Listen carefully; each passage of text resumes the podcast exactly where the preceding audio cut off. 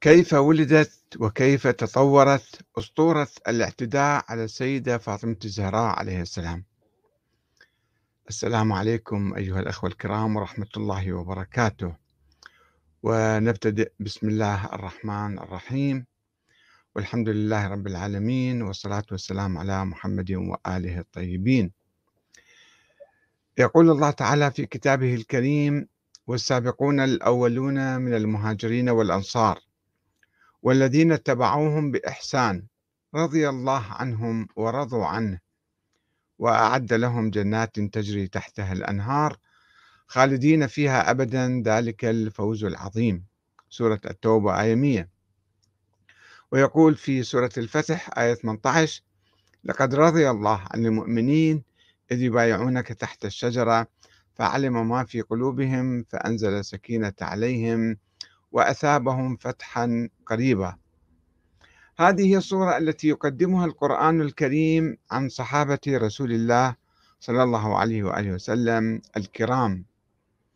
وهي صورة مؤكدة وثابتة وصحيحة ومتواترة ولكن بعض الغلاة والمنحرفين والمنافقين يتركون القرآن وراءهم ظهرية ويتشبثون بقشة الأساطير والروايات الموضوعة لكي يشوهوا سمعة الصحابة والجيل الإسلامي الأول كما حدث مع فيلم السبئي اللعان آه، الفيلم الذي أخرجه وكله تشويه لصورة آه، الصحابة الكرام. آه، لذلك يعني لابد أن نبحث هذا الموضوع وسوف أتحدث عن ذلك بعدة حلقات إن شاء الله. وقد كتبت هذا البحث قبل أكثر من عشر سنوات في كتابي السنة والشيعة وحدة الدين خلاف السياسة والتاريخ. وقلت أنه لا يوجد الآن خلاف رئيسي أو جوهري بين المسلمين ما عدا بعض مخلفات التاريخ. و مخلفات السياسة القديمة. لذلك نرجو متابعتنا في الحلقات القادمة أيضا. سوف نبحث كل الروايات رواية رواية وقرنا قرنا ونرى كيف ولدت هذه الأسطورة وكيف تطورت خلافا للتاريخ الثابت المتواتر من آه، الصحابة الكرام ومن الجيل الإسلامي الأول. ربما كانت قصة كبس بيت الإمام علي من قبل عمر كما ورد في الفيلم هذا من أجل إجباره على بيعة أبي بكر وما رافق ذلك من تهديد بحرق بيت فاطمة على من فيه أو قيامه لا مو بس تهديد لا قام أو قيامه بحرق بيت باب البيت وضرب الزهراء وعصرها وراء الباب وإسقاط جنينها محسن والتسبب في وفاتها. هذه الأسطورة من أهم القصص الأسطورية الخطيرة التي لعبت عبر التاريخ وتلعب اليوم دورا كبيرا في تأجيج الخلافات القديمة والميتة بين الشيعة والسنة. بعد زوال معظم أسباب الخلافات التاريخية. ولذلك فإن من الضروري التوقف عند هذه القصة الأسطورة. والبحث في ظروف نشأتها وعرضها على التحليل المختبري والجنائي للتأكد فيما إذا كانت تتمتع بأية مصداقية أو حقيقة تاريخية. وقبل أن نقوم باستعراض الأدلة التي يقدمها المدعون ضد الشيخين الجليلين أبي بكر وعمر رضي الله عنهما والتي يصنفونها عادة إلى أدلة سنية وشيعية. لابد أن نشير إلى عدة نقاط.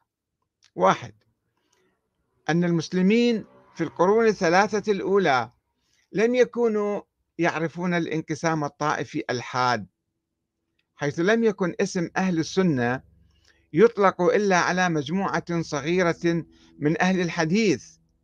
لم يكن يطلق على عامة المسلمين. ولم يكن اسما عاما على طائفة مقابل الطائفة الشيعية حيث كان يوجد تداخل كبير بين تيارات الشيعة المختلفة من محبي أهل البيت من الزيدية والإمامية والمعتزلة وحتى من أهل الحديث من العلويين والعباسيين وغيرهم بصورة يصعب فيها إطلاق وصف شيعي أو سني على أي شخص. فضلا عن إطلاقه على عامة الناس. ولعل أبرز مثل على ذلك هو الإمام الشافعي رحمه الله الذي اعتبر بعد وفاته أنه إمام من أئمة أهل السنة بينما كان يتهم في حياته بأنه شيعي أو رافضي. حتى قال ذلك إن كان رفضا حب آل محمد فليشهد الثقلان أني رافضي. وكذلك المؤرخ الطبري الذي صنف مؤخرا على أنه شيعي بينما كان المتطرفون من أهل السنة أي الحنابلة يتهمونه بالتشيع والرفض أو صنف مؤخرا على أنه سني يعني. وفيما اعتبر الإمامية أئمة أهل البيت أئمة خاصين بهم كان عامة أهل السنة يعتبرونهم أئمة لهم ويوالونهم ويحبونهم. ثانيا ولا بد أن نشير إلى نقطة أخرى مهمة وهي أن التاريخ يحتوي على روايات متواترة حول أمور معينة يحصل لمن يقرأها مجتمعة القطع واليقين على أمر معين. في حين يحتوي أيضا على إشاعات وأساطير وروايات تسمى بروايات الآحاد وهي روايات أقرب إلى الإشاعات وتنقل بصورة غامضة ومتناقضة وبلا أسناد أو عبر رجال كذابين أو غير ثقات أو كتب غير معروفة ولا معتبرة. وهذه الظاهرة معروفة في التاريخ كما في العقيدة والفقه والسياسة والقضايا القانونية الشخصية. يعني في كل مجال يمكن نجد روايات متواترة وإشاعات وأساطير تحف هذه الأحداث والأفكار. والموقف منها من هذه الإشاعات وأخبار الأحاد هو الشك والرفض والتمسك بالأمور اليقينية الثابتة بالتواتر والإجماع حسب القاعدة الأصولية المعروفة لا تنقض اليقين بالشك. ثلاثة أما النقطة الثالثة فهي ضرورة قراءة التاريخ قراءة ظاهرية طبيعية وتجنب التفسيرات التعسفية والقراءات الباطنية المقلوبة التي قام بها الغلاة للتاريخ ولأقوال أئمة أهل البيت وقلبوا من خلالها الأبيض إلى أسود. والأسود إلى أبيض وذلك باسم التقية التي كانوا يستخدمونها كغطاء لتمرير أقوالهم ونظرياتهم المغالية المضادة لفكر وأقوال أهل البيت. حتى وصل بهم الأمر إلى أن ينكروا وفيات عدد من الأئمة الإمام علي الإمام الحسين الإمام موسى الكاظم وأئمة آخرين الإمام الصادق أو ينسبوا إليهم أولادا لم يولدوا ولم ولم يعرفوا أو ولم يعرف لهم أي أثر. فإذا من الضروري أن نقرأ التاريخ قراءة طبيعية ظاهرية. أربعة وهناك نقطة رابعة وهي ضرورة تجنب الاعتماد على تشكيل الصورة التاريخية بالافتراض والتخمين. إذ يلاحظ أن بعض من يكتب في التاريخ يقوم بافتراض كثير من الأمور التي لم تقع ولم يسجلها التاريخ ولا يوجد لديه أي دليل عليها اعتمادا آه، على تصورات معينة أو ادعاء حذفها من التاريخ يدعي أن هذه الأمور حذفت فكيف أنت عرفتها بعد ألف سنة؟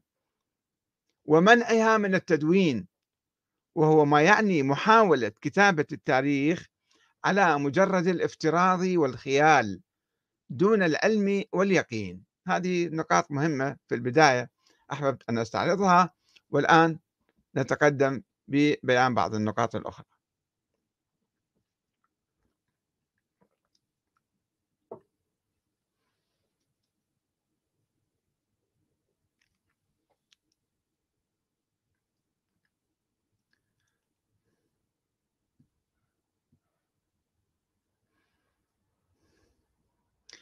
لا أدري إذا كان الصوت واضح، إذا كان في أحد يسمعني رجاء آآ يعني تنبيهي إلى الصوت، ربما كان الصوت فيه مشكلة. آآ